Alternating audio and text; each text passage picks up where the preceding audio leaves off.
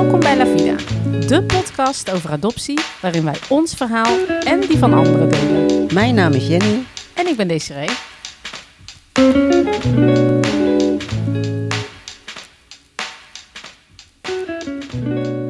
Welkom bij de allerlaatste aflevering van seizoen 3. Het is het snel weer gegaan, hè? Ja, ah, heel erg snel. Uh, wel heel leuk. Superleuk. Het was wel een beetje anders dit seizoen. Het was zeker anders. We hebben natuurlijk vooral uh, uh, gesprekken gevoerd uh, met anderen, met mede-geadopteerden. Ja. En wederom weer hele mooie verhalen gehoord. Bijzondere verhalen. Indrukwekkende verhalen. Ja. Ja. We hebben niet zoveel over onszelf gepraat deze keer. Nee. Nee, ja, we hebben het wel geprobeerd af en toe. Ja, af en toe proberen we even wat tussendoor te gooien. Maar ja. mag ook wel eens een keer voor de verandering. Ja, toch? Ja. Maar um, ik vond dit wel ook wel weer heel leuk. Ik vond het ook wel heel. Ja, we, we, kwamen tot de conclusie dat we best veel mannen hebben gesproken dit seizoen. Zeker. En ook heel divers qua onderwerpen. We hebben dit natuurlijk ook ja. meer aan de hand van thema's gedaan. Dat, ja. dat vond ik wel heel leuk om te doen. En we hebben voor het eerst een uh, aflevering met z'n vieren gedaan. Ja. Dus met twee uh, gasten. Veel ook heel leuk om te doen. Ja, ja. ja vond ik ook uh, leuk. Nou. En nou zijn we bij de laatste aflevering. Want ja, we dachten deze keer geen gast, want we willen toch zelf ook nog wel een beetje het woord. Ja, we vinden ons toch zelf ook nog wel heel leuk om naar te luisteren. Ja. Dus we hebben vragen opgehaald bij uh, luisteraars Ja. en uh, intimi. Um, zoals onze ouders. Ja. Uh, om, um, ja, om die te gaan beantwoorden. Dus best wel, ja, best wel spannend ook, want we hebben best wel persoonlijke vragen gekregen. Ja. Maar we gaan ervoor. We Hey, gaan ervoor. Ja, we gaan lekker kritisch zijn, elkaar goed ondervragen. Ja. Het is wel een beetje anders deze keer, want uh, normaal zijn wij echt gewend om de laatste aflevering met een wijntje op te nemen. maar Jenny heeft besloten om precies op dit moment aan de sapjeskuur te gaan. Dus deze vrouw zit hier met een flesje van, zullen we het even noemen? Ja, silly juices. Voor de rest wil ik geen reclame maken. Nee, maar, hè? hè? wie weet sponsor ons volgend jaar. En Precies. zitten we er allebei slang Daarom. bij. Dit keer is het alleen Jenny. Ja. En um, Jenny zit lekker aan de gember en ik aan de gembersap. Ja. En ik aan de thee. Ja. Maar er is nooit een juist moment om te starten. Dus sorry, lieve schat, maar ik maak het goed met je. Met de wijn dan. Ja, zeker. Uh, zeker, dat komt goed. ja. We moeten uh, even, even schakelen. Even schakelen. Oké. Okay. Nu ook weer schakelen. Ja, want um, we, zijn, we gaan beginnen met de vragen die... Uh, uh, die er gesteld zijn? Ja, we gaan beginnen met onze ouders. Met onze ouders, ja. En dan begin ik uh, specifiek met mijn uh, vader. Ja, want je hebt aan je vader, aan onze ouders hebben we gevraagd, hebben jullie vragen voor ons? Ja, en het is ook wel leuk, want er was een luisteraar die heeft een vraag gesteld die ook die voor onze ouders is. Dus die hebben we ook bij onze ouders neergelegd. Ja. Maar we beginnen even met de vraag die ze voor ons hebben. Ja. Uh, ik ga het gewoon even voorlezen, want dat van mijn vader, dat, dat was een, nou, een verhaal. Dus dat ga ik gewoon even voorlezen. We hebben veel gepraat over hun. Dus we geven ze nu ook even een podium. Even de ruimte om ook de uitgebreid deze Precies. vraag te Dus ik ga even de tijd nemen om dit voor te lezen. Ja, ben je ja, klaar voor goed. deze? Ja, ja. Oké, okay. komt-ie. Uh, kort geleden, dus ik, ik, lees voor wat hij zegt. Hè. Kort geleden hoorde ik, ik iemand, hij werd als deskundige gepresenteerd, voeteren op adoptie. Zijn visie in de cultuur van het gebied van zijn herkomst, Cariben, komt het niet voor. Familieleden zorgen voor een adequate opvang. In zijn ogen is adoptie vooral een koloniaal verschijnsel. Is dit echter niet vooral een emotionele redenering? Draait het niet om de vraag wat je kunt doen wanneer kinderen in een onveilige situatie terechtkomen en er geen opvang in de eigen omgeving mogelijk is? Is adoptie in een dergelijke situatie een aanvaardbare mogelijkheid? Achter deze vraag ligt een andere vraag. Hoe succesvol is adoptie? Jullie hebben vooral oog en oor voor ervaringsdeskundigen. Dat is uiteraard noodzakelijke informatie, maar ik ben ook nieuwsgierig wat onderzoekers te melden hebben. Zijn zij wellicht in staat om meer algemene uitspraken te doen over de ontwikkeling van de kinderen die geadopteerd zijn in vergelijking met de ontwikkeling van kinderen in een kinderthuis, die in een kinderthuis zijn opgevangen? Nou, Ja. heel wat vragen in één Ja. eigenlijk. Ja. Wat vind je ervan als je dit zo hoort? Ja, nou ja, het is jouw vader, dus uh, ja, dus wat vind ik ervan? wat vind jij ervan? Uh, ja, het is mijn vader. En de, de, de, inhoud verrast me niet, moet ik zeggen. um, ik, ik, denk dat er te veel tijd komt om echt overal op in te gaan. Ja. Um, maar in eerste instantie... Wat is de strekking die je eruit haalt?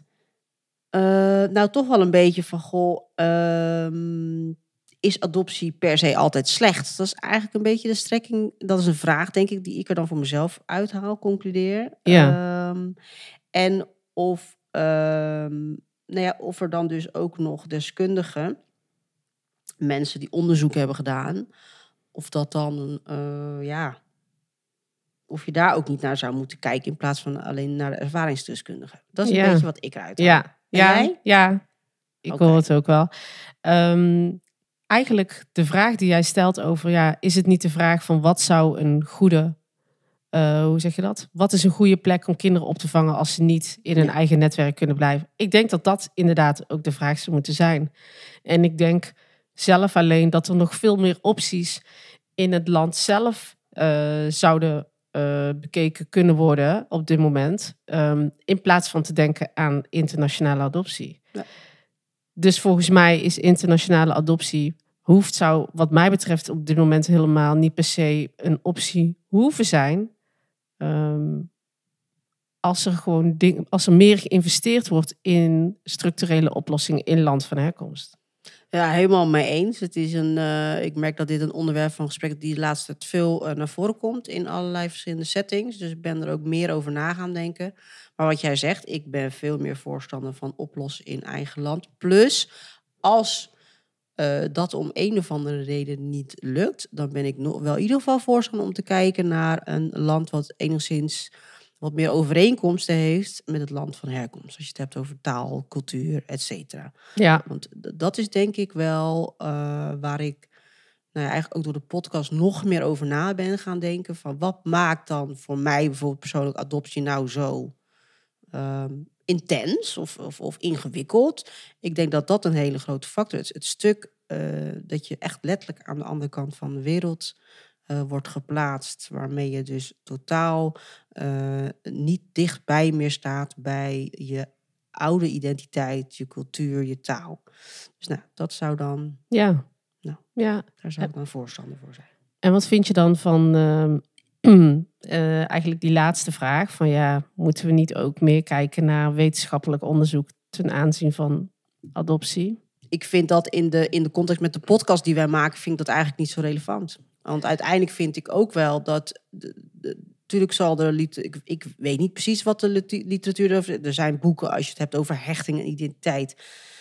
Ja, die, die zeggen daar volgens mij ook wel een beetje in datzelfde als wij zeggen. Maar ehm, natuurlijk zal daar ook een andere kant in belicht worden. Maar ik zelf denk, ja, eh, eh, ja, ik heb daar gewoon dan niet zo heel veel aan eigenlijk. Nee, ik zou ook niet weten wat, wat die ander daaraan zou moeten hebben. Want Nee. zijn de ervaringsverhalen dan niet voldoende of zo? Nou, dat. moet, het dan, Ja. moet het dan nog?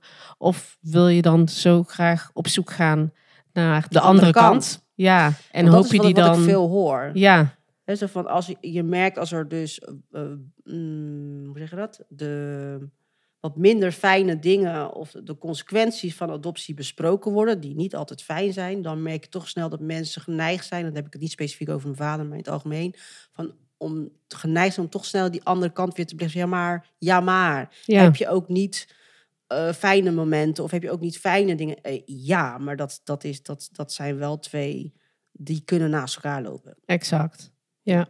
Ehm, dan gaan we naar de vraag van mijn vader. Ehm, heb je je wel eens belemmerd gevoeld in, vraag, in je vragen of antwoorden, wetend dat je ouders mee kunnen luisteren? Heeft loyaliteit, tussen haakjes ik zeg liefde, je wel eens bij vragen of antwoorden tegengehouden? Goeie vraag van je vader. Ja, hele goede vraag. En ik denk het uiteindelijk dat zij altijd wel in mijn achterhoofd hebben gezeten. En ehm, ik denk dat ik onbewust heel vaak rekening met ze hou. Dus ik denk ook met het opnemen van de podcast. Eh, ik denk dat ieder kind dat heeft als hij over zijn ouders praat, wetende dat ze meeluisteren. Ik zou die vraag dan eigenlijk terug willen stellen aan, aan ik mijn wou ouders. net van- zeggen, ik denk dat het andersom, andersom toch ook geldt. ja, van eh, als ik eh, vraag eh, hoe je je ehm, jeugd hebt ervaren en je ouders luisteren mee, dan geef je wellicht toch een ander antwoord. Ik kan me ook voorstellen dat als je ouders overleden zijn of zo, dat je dan ook weer een, hoe zeg je dat? Dat je je dan misschien ja, nog vrijer zou voelen of zo. Hè? Dat hoor je ook wel eens bij mensen. Hè? Van, eh, dat heeft dan voor mijn gevoel niet zoveel met adoptie te maken. Nee, maar ik bedoel eigenlijk andersom ook dat ik mij voor kan stellen dat als je het aan ouders vraagt of als je met ouders een gesprek hebt over hoe zij eh, eh, de opvoeding ervaren hebben en, en eh, het gedrag Ah, ja. van het kind, even los of dat wel of niet geadopteerd is. Ja, Daarin zal je denk ik toch ook nooit honderdduizend procent zeg maar alles zeggen, omdat je er dus toch ergens altijd nog wel rekening houdt, denk ik, met, met je kind. Ehm, maar Ja, dat geldt zeker voor doen mij wij ook. doen wij zeker, ja. En dat, dat heeft echt te maken met dat... Ten eerste vind ik, wij hebben ervoor gekozen om deze podcast te maken. Niet mijn ouders. Eh, dus in die zin hou ik daar ook rekening mee van... Ja, ik wil ook, niet, wil ook niet alles daarin dus delen in deze podcast... die wat betrekking heeft met mijn ouders... of die daar dan in meegenomen worden. Dat is één. En soms ook wel uit het stukje dat je denkt... je wil ze ook niet onnodig kwetsen. En het is ook niet... Ik heb, ik heb een goede relatie met mijn ouders. Dus er zijn ook niet heel veel... Hoe zeg je dat? heel veel, misschien heel veel pijnlijke dingen om te zeggen, maar er zijn wel genoeg dingen die ik nog niet besproken heb met mijn ouders. Dus Ja. daar zit dan wel het, hè, het, het, het- dat je soms denkt, nou dit, nou, dit hou ik geloof ik nog even voor me. Ja. Ja, dat heb ik dan niet zo heel veel. Nee, dat heb jij natuurlijk minder, omdat jij meer gesproken hebt met ouders. Ja, maar toch denk ik wel dat ik er rekening mee houd. Dus ik denk dat het antwoord ja is. Oké, nou dan geldt die voor ons allebei. Ja. We hebben nog een vraag, nog een vraag van mijn vader. Ja, mijn vader had aardig veel vragen. Dus we hebben, eh pa, als je luistert. we hebben er een paar uit moeten filteren. Want we hadden anders een beetje te veel vragen. Maar, ehm, Maar dat is deze- sowieso denk ik even goed om te zeggen. We hebben Ja. natuurlijk we hebben best wel veel vragen ingezonden gekregen. Eh, waarvoor dank voor iedereen, voor iedereen die moeite heeft gedaan om erover na te denken. Maar sommige vragen hebben we niet kunnen antwoorden. Of omdat we die al in een ander seizoen, in een andere aflevering heel erg uitgebreid besproken hebben. Of omdat het gewoon niet meer paste. Ja. Dus dan eh, Ja. weten jullie dat.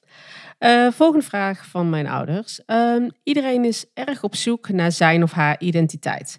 Zeker als geadopteerde. Dat thema komt bij jullie ook steeds terug. Vraag. Is die identiteit ergens te vinden? In land, taal, cultuur, muziek? Of kan je die jezelf ook enigszins aanmeten? Dus jezelf daarin aansturen. Dus gewoon, ik ben wie ik wil zijn. Ehm, ja, uiteindelijk is dat wel wat je moet doen. Om, eh, denk ik, om een modus te kunnen vinden, gewoon om ermee om te gaan. Maar ehm, wat ik lastig vind, is dan, dat mensen dan denken: oké, zijn we er dan eindelijk over uitgepraat? Ik, denk, ik zeg niet dat mijn ouders dat denken hoor, echt totaal niet. Mhm. Maar dit is wel een ongoing process. Zeker. Dus die modus die verandert ook elke keer. Ja. Wat mij betreft. En dus zal het ook, is het een rust of is het een eh, die je dan kan vinden? Ja, ik weet het niet. Blijft wel een soort van onrust of zo. Eh, ja, daar ben ik het wel mee eens. Ik denk alleen inderdaad wel dat als je het eh, in mijn in, ik heb in mijn coachgesprek komt het stukje identiteit ook heel vaak voor. En omdat heel veel geadopteerden merk ik inderdaad wel zoekende zijn. Ehm, en dat die onrust, ik denk dat je daar dat dat wel belangrijk is voor jezelf, dat je daar op een gegeven moment wel een bepaalde rust in vindt, ondanks dat het een terugkomend iets blijft.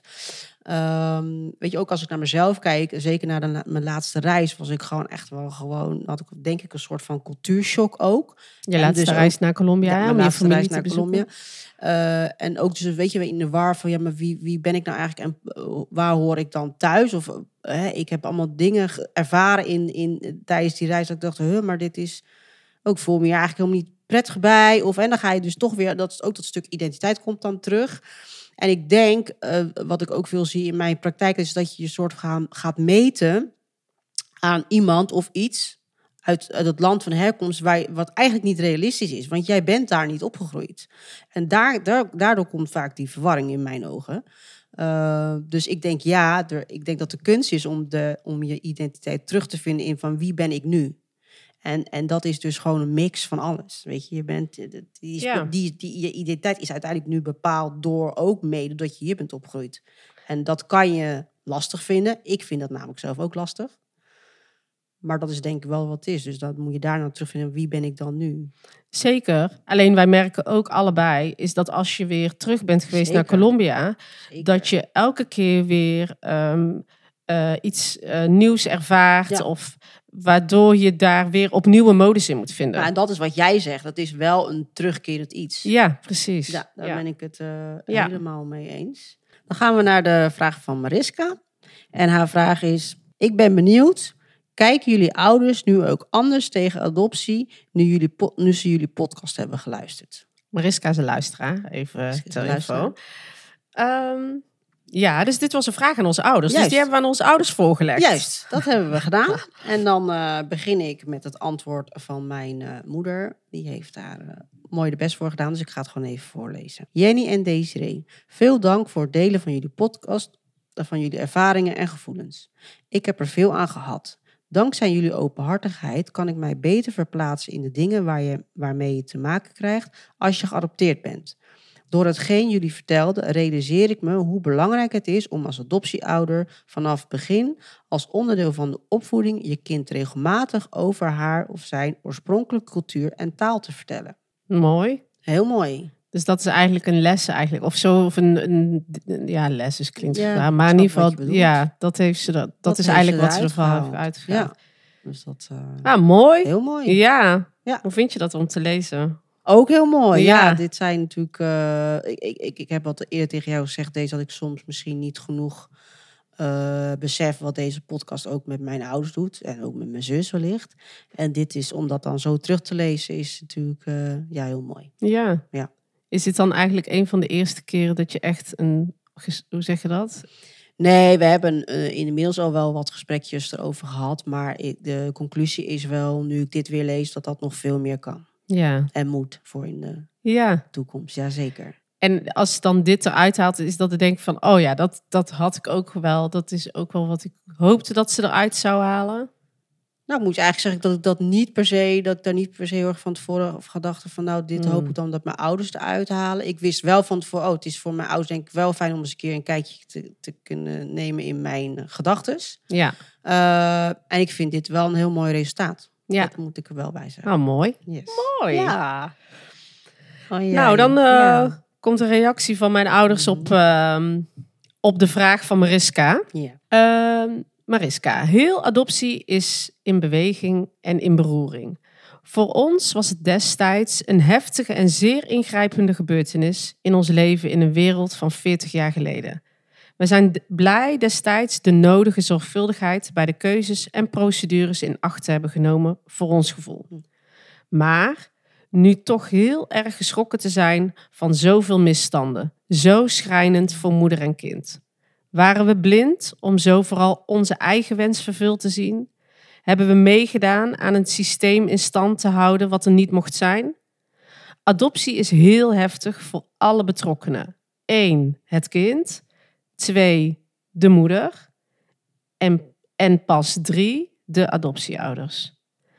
Best blij en eigenlijk ook opgelucht dat er in de situatie van Desiree een redelijke duidelijke weg is gegaan in het proces van afstaan en adoptie. En we, hebben goede, en we goede contacten hebben met haar moeder. Dat heeft ons rijker gemaakt. Maar hebben, we wel, maar hebben we wel een hele lieve dochter die we niet in alle opzichten kunnen helpen met haar persoonlijke gevoelsleven. En het was niet altijd fijn haar daarmee te zien zoeken naar haar plek. Zo. Ja, Nou, jij mag eerst reageren. Ja, dat raakt me wel. Ik weet wel dat ze zo denken en dat zeggen ze ook wel. Maar als je het dan zo eh, leest en uitspreekt, dan raakt het me wel. En dan ben ik eigenlijk heel erg trots ja. dat ze het zo... eh, ja, ik word er gewoon een beetje... ja dus ik ook. ja, ik ook. Ja. Ja, dat ze het zo durven neer te zetten en dat ze zichzelf dus ook op die derde plek durven te Ja. zetten, weet je wel. Dan, eh dan raakt mij gewoon heel erg. En dan, dan lijkt me het ook eigenlijk wel heel lastig voor hun. Dat is dan ook waar ik gelijk aan denk, Ja. weet je wel. Dan denk ik, oh. Maar het, doordat mijn ouders er zo in staan, voel ik me echt heel vrij om alles te doen wat we aan het doen zijn. En zoveel mogelijk te zeggen. Dus ik ben dan eigenlijk apetrots. ja, dat snap ik. Mijn ouders. Nou, zitten we lekker te lekker te brullen. Ja, Bedankt, ouders. bedankt. nou, maar ik vind, ik vind het heel mooi hoe je ouders het hebben verwoord. En eh, hij benoemt ook inderdaad wel ook vanuit hun gezien die toch ook de pijn en schrik vanuit hun van ze hebben met de beste bedoelingen. Ja. Naar eer en geweten hebben zij een, een, een, het proces gestart eh, met het idee dat dat allemaal correct is gegaan. En ik denk dat dat voor heel veel ouders geldt. Ja.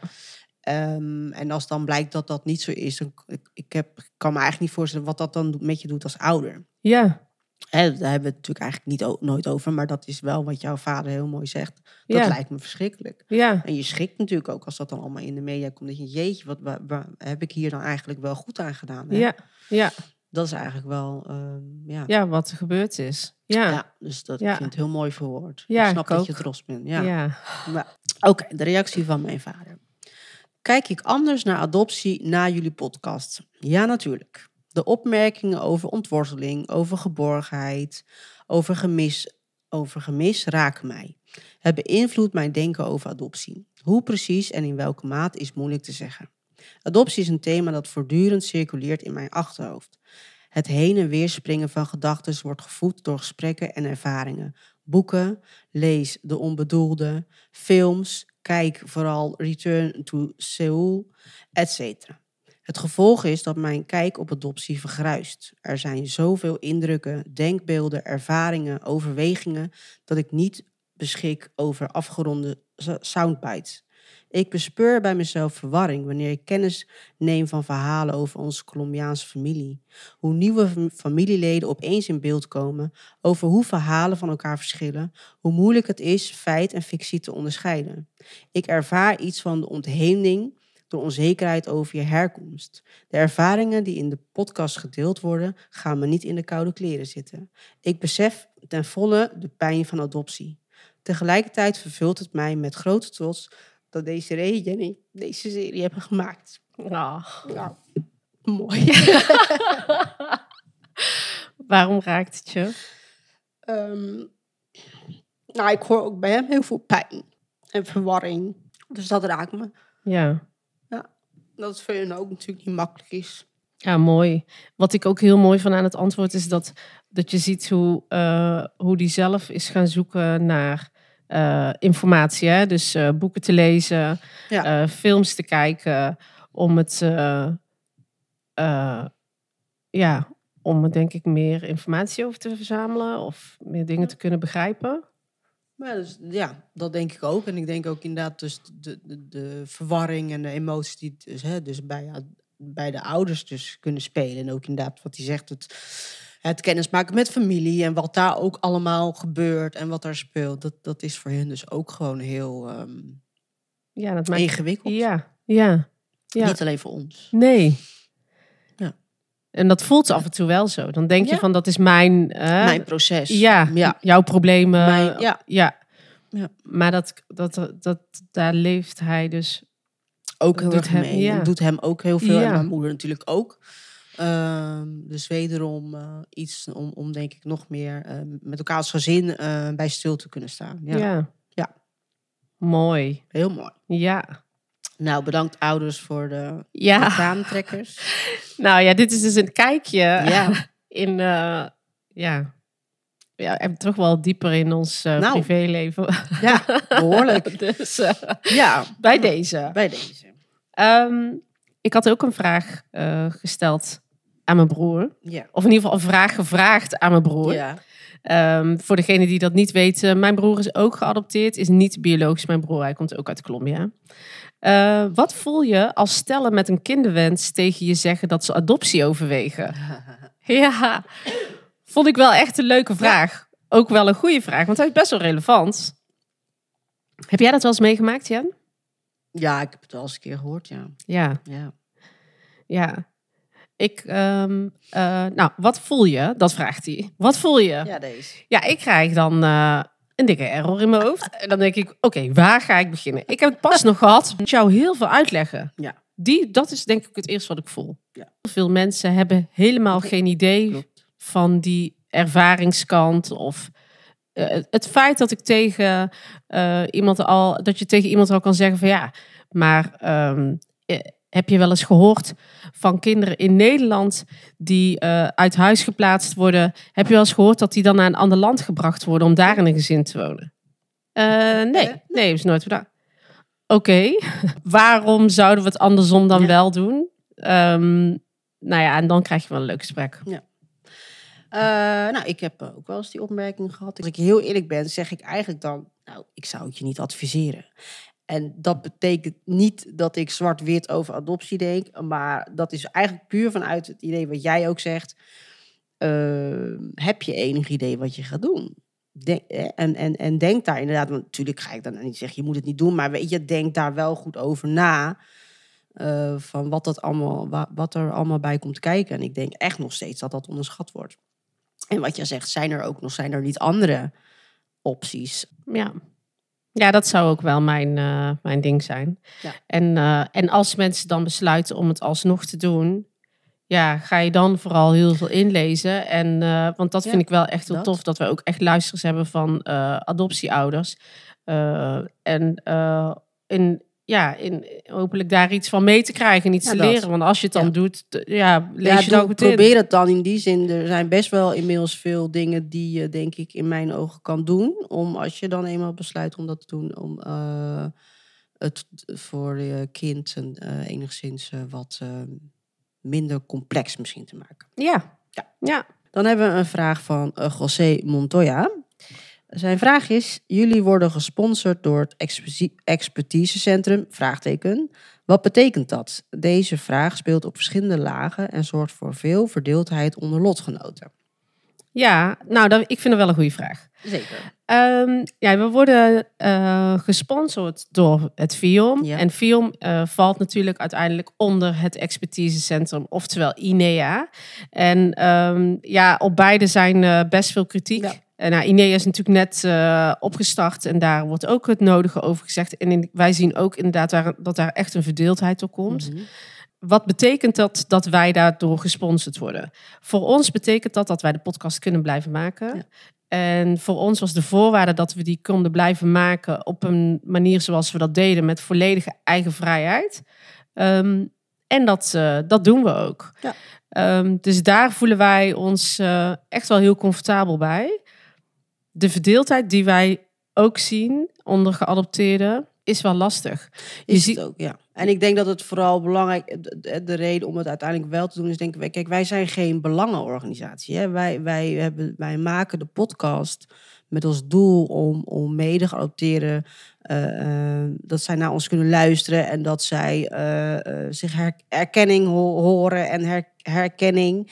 Ehm, en voor ons, eh, wij willen natuurlijk een zo groot mogelijk bereik ook daarin hebben.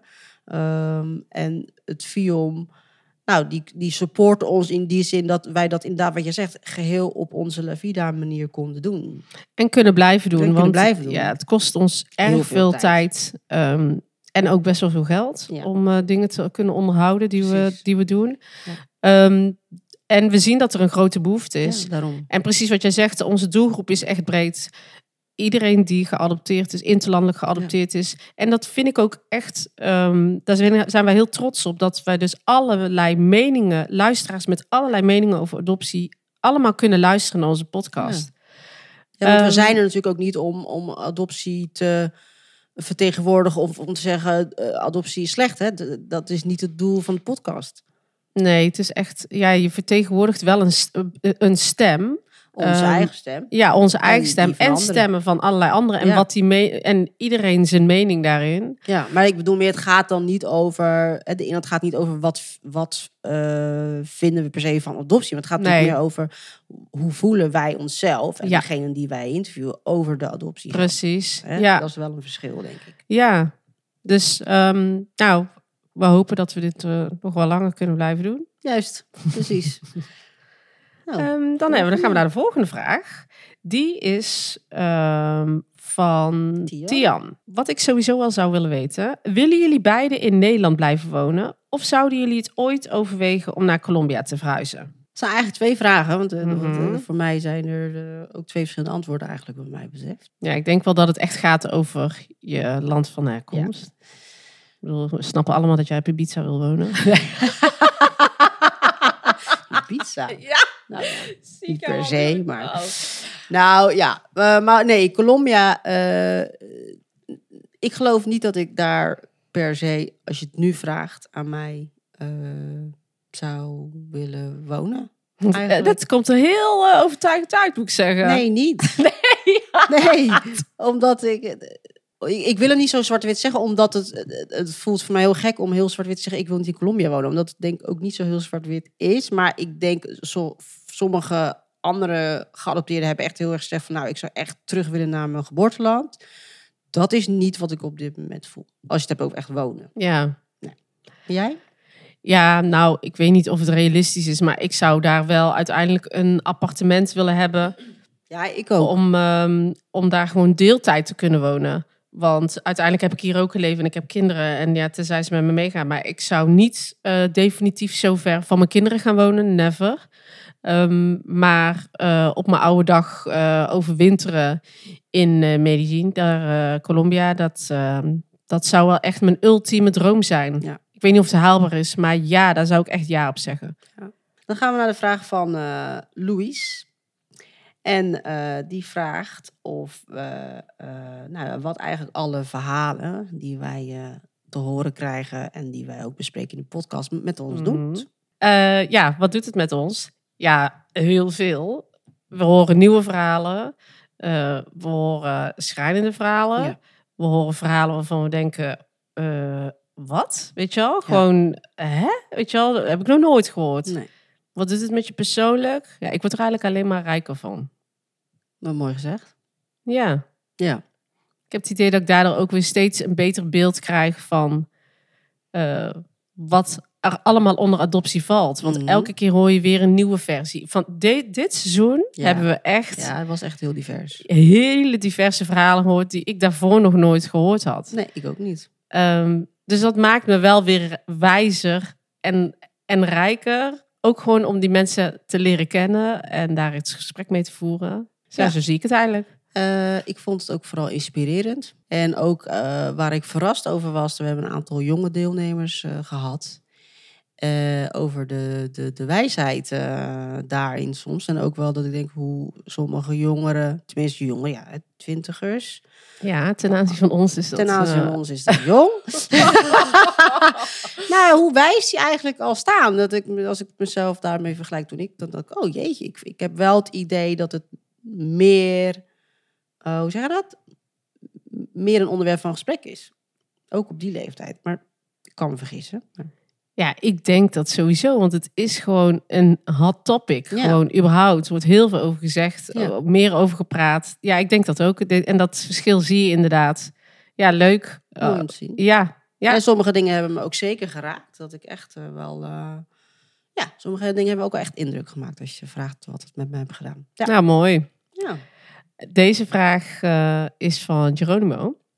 Ik heb één vraag. Toen ik jonger was, eh, was ik bang dat mijn ouders misschien spijt zouden krijgen van de adoptie. Omdat door veel trauma's ik soms echt een probleemkind was. Vooral in de puberteit. Ook al zeiden ze altijd dat ze nooit spijt zouden krijgen. Hebben jullie nooit die gedachte gehad? Of een bepaalde onzekerheid dat ze niet tevreden waren?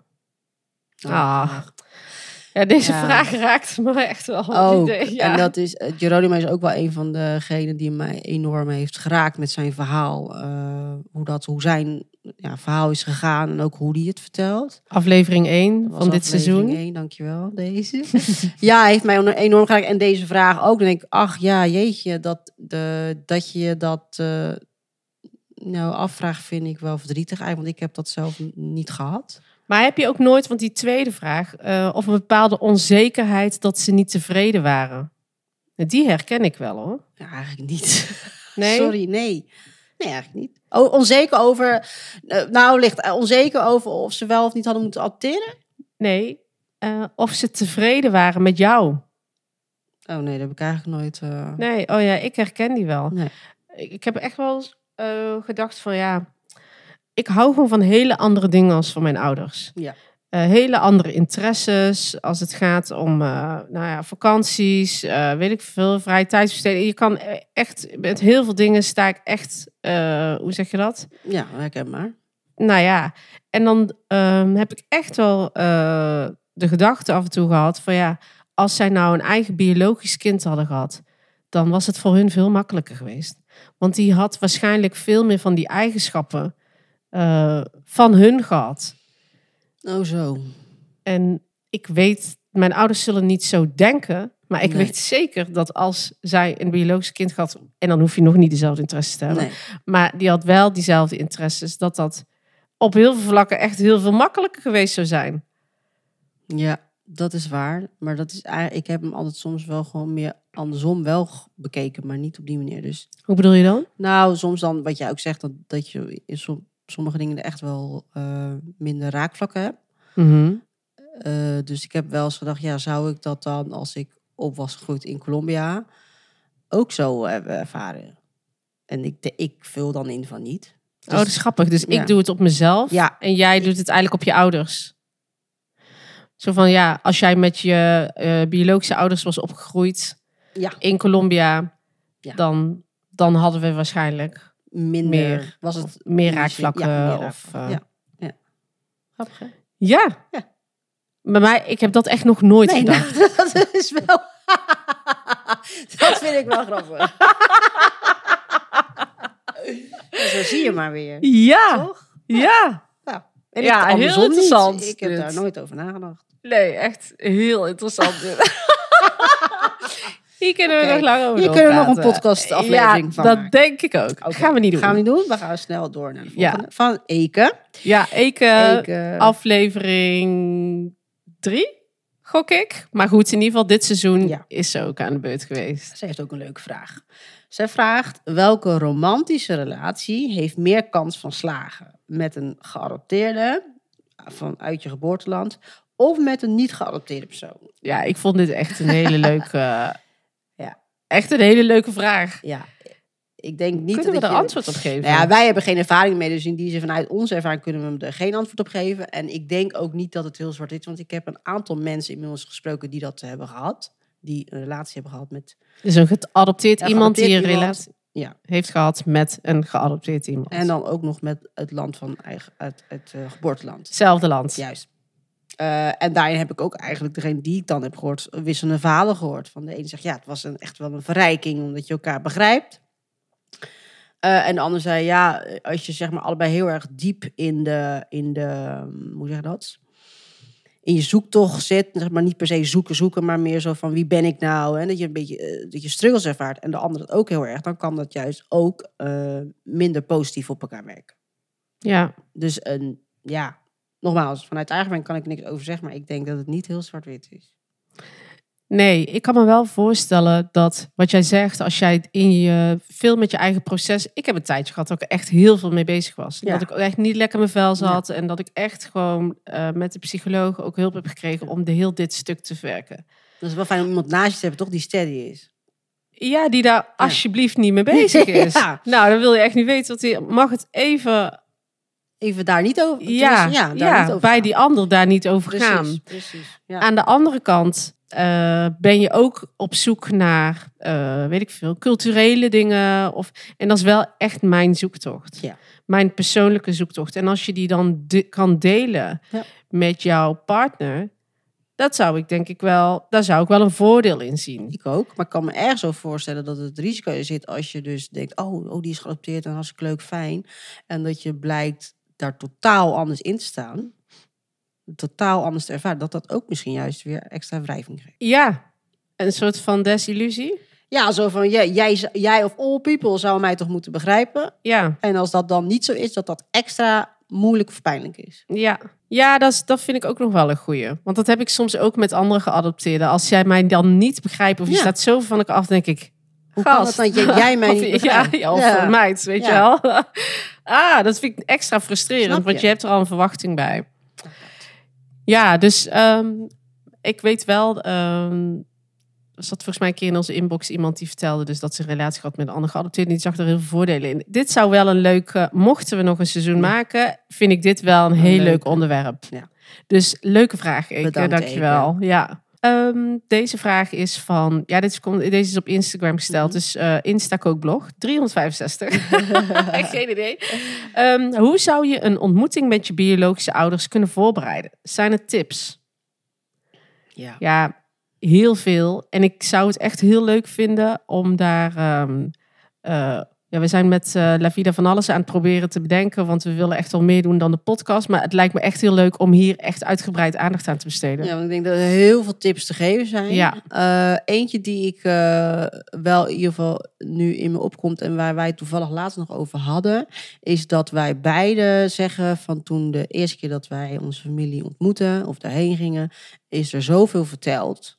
Hebben we zoveel vragen gesteld, is er zoveel informatie gegeven, Ja, dat je nu bedenkt, eh, ja, wat is er eigenlijk allemaal gezegd? Omdat het natuurlijk, het is gewoon heel veel. En je, ja, je, je verstaat misschien ook niet alles of je begrijpt niet alles.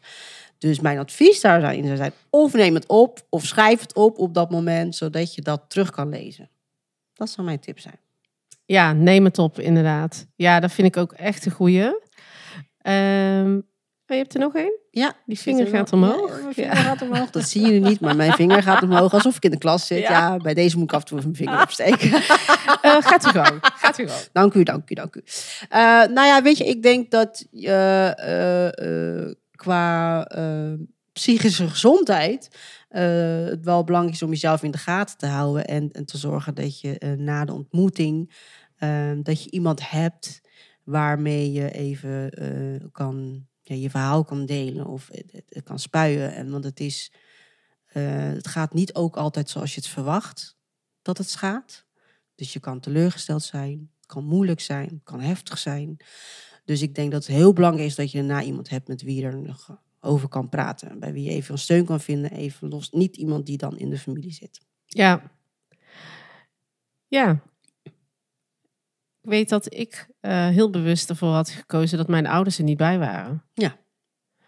Ehm, terwijl ik zeker weet dat ze dat wel heel graag hadden gewild. Het is wel een goede trouwens om bewust een keuze daarover te maken. Denk ik. Precies. Ja. Ja. maak daar bewust een Ja. keuze en ben er bewust van wat het je brengt of Ja. wat het je niet zou brengen.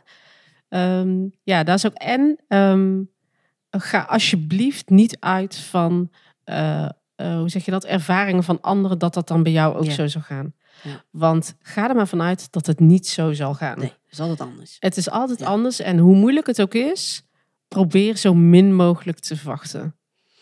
Hele goeie. Ja, Ja, mooi. ja dat is een kleine. Ja, er zijn er nog heel veel. Maar wat Ja. jij zegt, dit is een heel mooi iets om een keer eh, in een bijeenkomst of Ja. iets... eh, Aandacht aan te besteden. aan Lijkt me leuk. Zeker. Ja. Die gaan we onthouden. Dankjewel. Eh dan gaan we naar de vraag van Marijn. Marijn zat ook in de podcast. Marijn zat ook in de podcast. In seizoen 2. Twee. Hele leuke aflevering ook. Ja. Eh, maar die heeft ook eh, twee vragen voor ons. Ja, ja. De eerste vraag is: wat is volgens jullie het grootste misverstand of vooroordeel dat mensen meteen hebben als je vertelt dat je geadopteerd bent?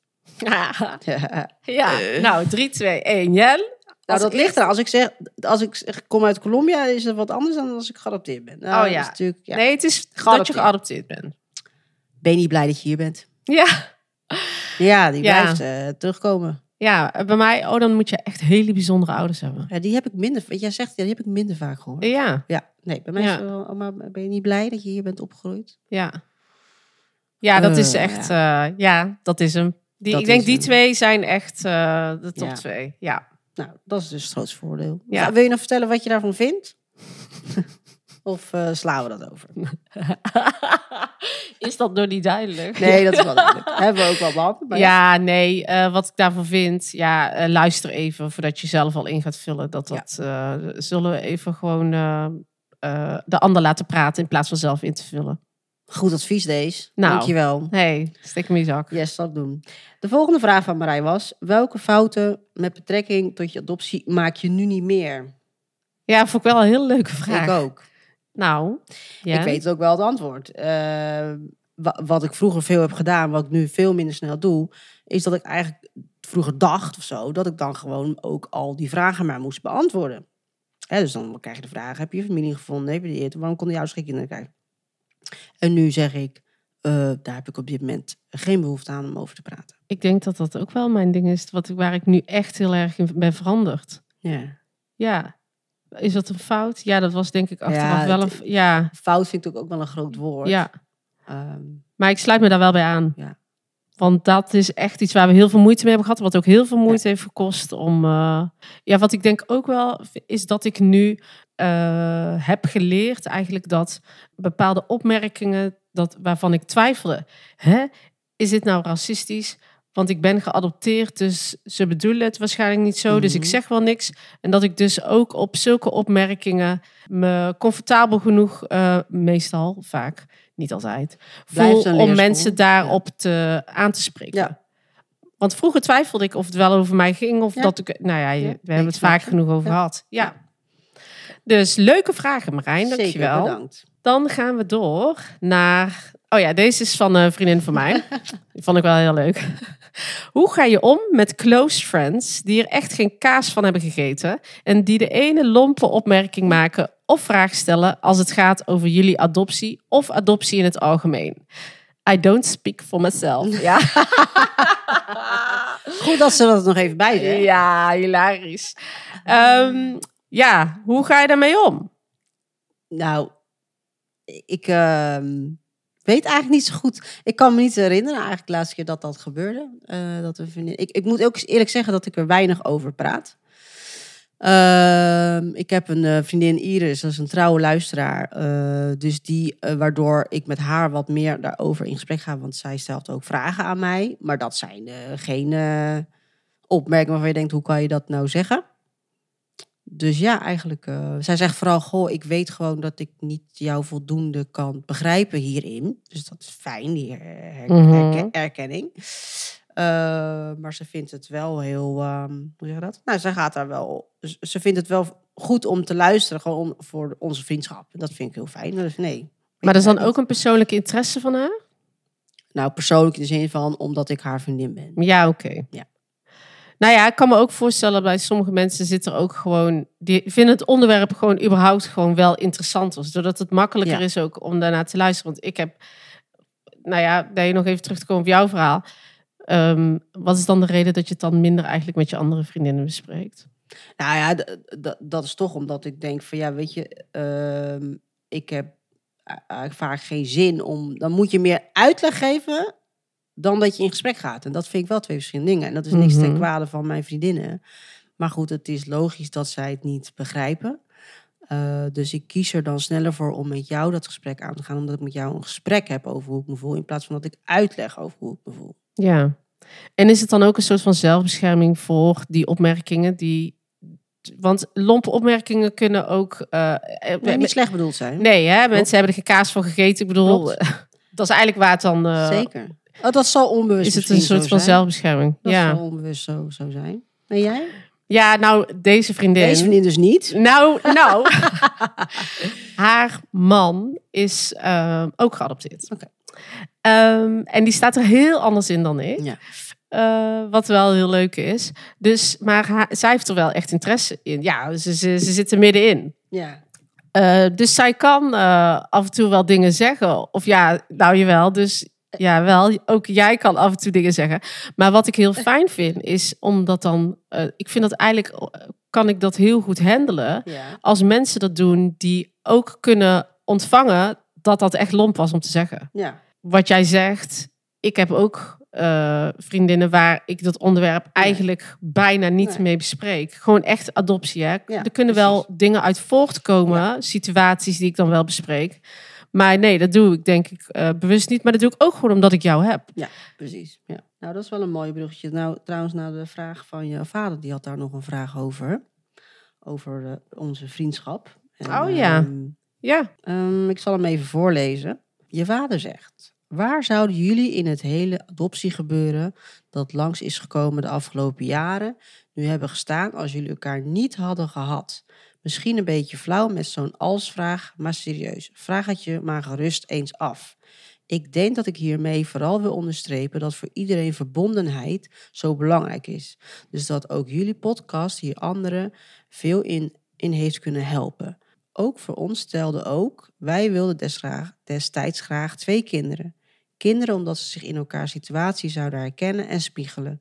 Ook verbondenheid. Al kan je dat niet 100% sturen, is ons gebleken. waar waren we geweest als we elkaar niet hadden gehad, Ja. Jen? Ja, Nou, dan was er geen podcast. Dat ten eerste. Nou, dan had ik denk ik wel echt een hele grote zoektocht gehad, denk ik. Want ik zou dit wel gaan zoeken. Ja, dat hebben we natuurlijk, heb ik ook gedaan. Jij ook.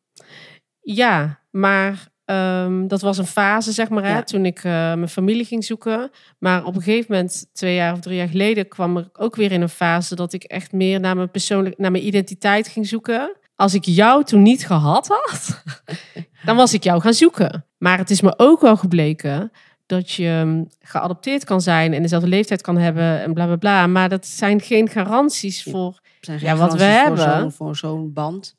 Dus ik, ehm, kijk, wat je niet hebt, dat eh, ehm, Kan je ook niet missen. kan je ook niet missen. Maar dat is niet helemaal waar in deze context denk. Want ik denk dat ik er wel, dat er een gemis was, maar wat ik niet had kunnen pinpointen. Ja, En, ja, ja, en do- doordat, doordat ik jou heb, weet ik hoeveel waarde dat is voor mij. En hoe belangrijk dat is in heel veel situaties geweest. En nog zal komen. Eh, dus dat had ik, ehm, ja, verschrikkelijk idee als ik dat niet had gehad. En dat had, dat had zeker voor mij, denk ik, een bepaald gemis geweest. Ehm, ja, dat. ja, voor mij hetzelfde. Ja. Dus eh Het dankjewel feit- dat je in mijn leven bent, deze. Ah, schat.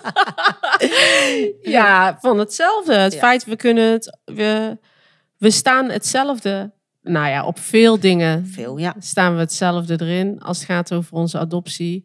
Eh, we voelen de veiligheid om zoveel met elkaar te delen. We hebben allebei de behoefte om het te delen met anderen.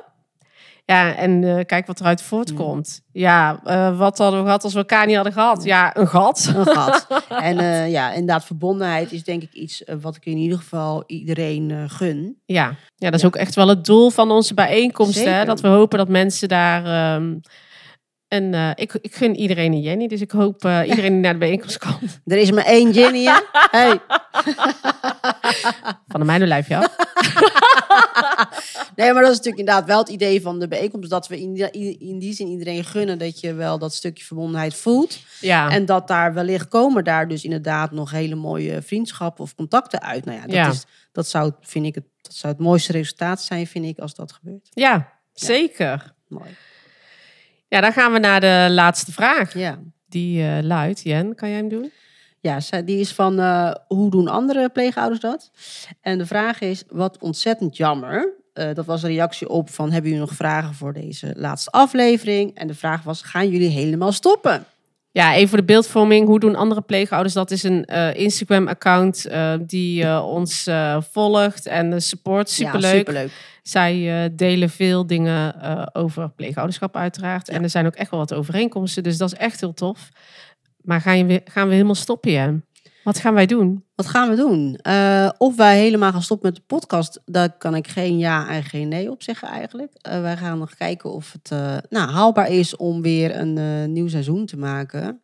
Ehm, ja, en, want we hebben natuurlijk een bijeenkomst ehm, gehad net, hè? Ja, dat klopt. We zijn aan het vooruit aan het opnemen. Dus, ehm, dus ja, hoe die is geweest kunnen we niet bespreken Nee, nu. Maar die zit wel stampensvol. Ja, Super gaaf. Ja, Ja. Ik ben echt, we zijn echt overrompeld door het eh, aantal aanmeldingen. Dus de- waarvoor dank. En ja, dat bevestigt eigenlijk alleen maar weer hoeveel behoefte er eh, is hè, om Ja. elkaar te ontmoeten. Eh, maar we hebben wel in ieder geval besloten om nog een nieuwe, weer een nieuwe bijeenkomst te gaan plannen. Eh, ja want animo genoeg. animo genoeg. En hoe, wat, waar, dat eh, wordt nog ingevuld. Ja. Ehm, maar dat is in ieder geval wat we gaan doen. Dat kunnen we zeker zijn. Ja, En eh, ja, voor de podcast, Podcast, is het nog eh, even de vraag. is het even de vraag inderdaad. Het moet voor ons haalbaar blijven Ja. en leuk zijn. Ehm, dus eh, we gaan even kijken hoe of wat. Ja. Dus wie weet. Maar La Vida blijft, eh, blijft bestaan. Ja, La Vida is nog lang niet klaar. La Vida heeft lang grote plannen. maar ehm, eh, daar gaan we denk de ik af. vooral. Ja, hou ons in de gaten. Blijf ons Ja. volgen. Laat weten wat je ervan vond. Dit was onze laatste aflevering. Ja, Eh, reacties zijn hartstikke welkom. Absoluut. We zijn enorm blij met jullie support. Ja. Iedereen die luistert. Nieuwe luisteraars, maar ook onze trouwe luisteraars die gewoon al seizoenen ons blijven volgen. en die bij ons in de podcast die tijd hebben gemaakt om bij ons in de podcast te komen.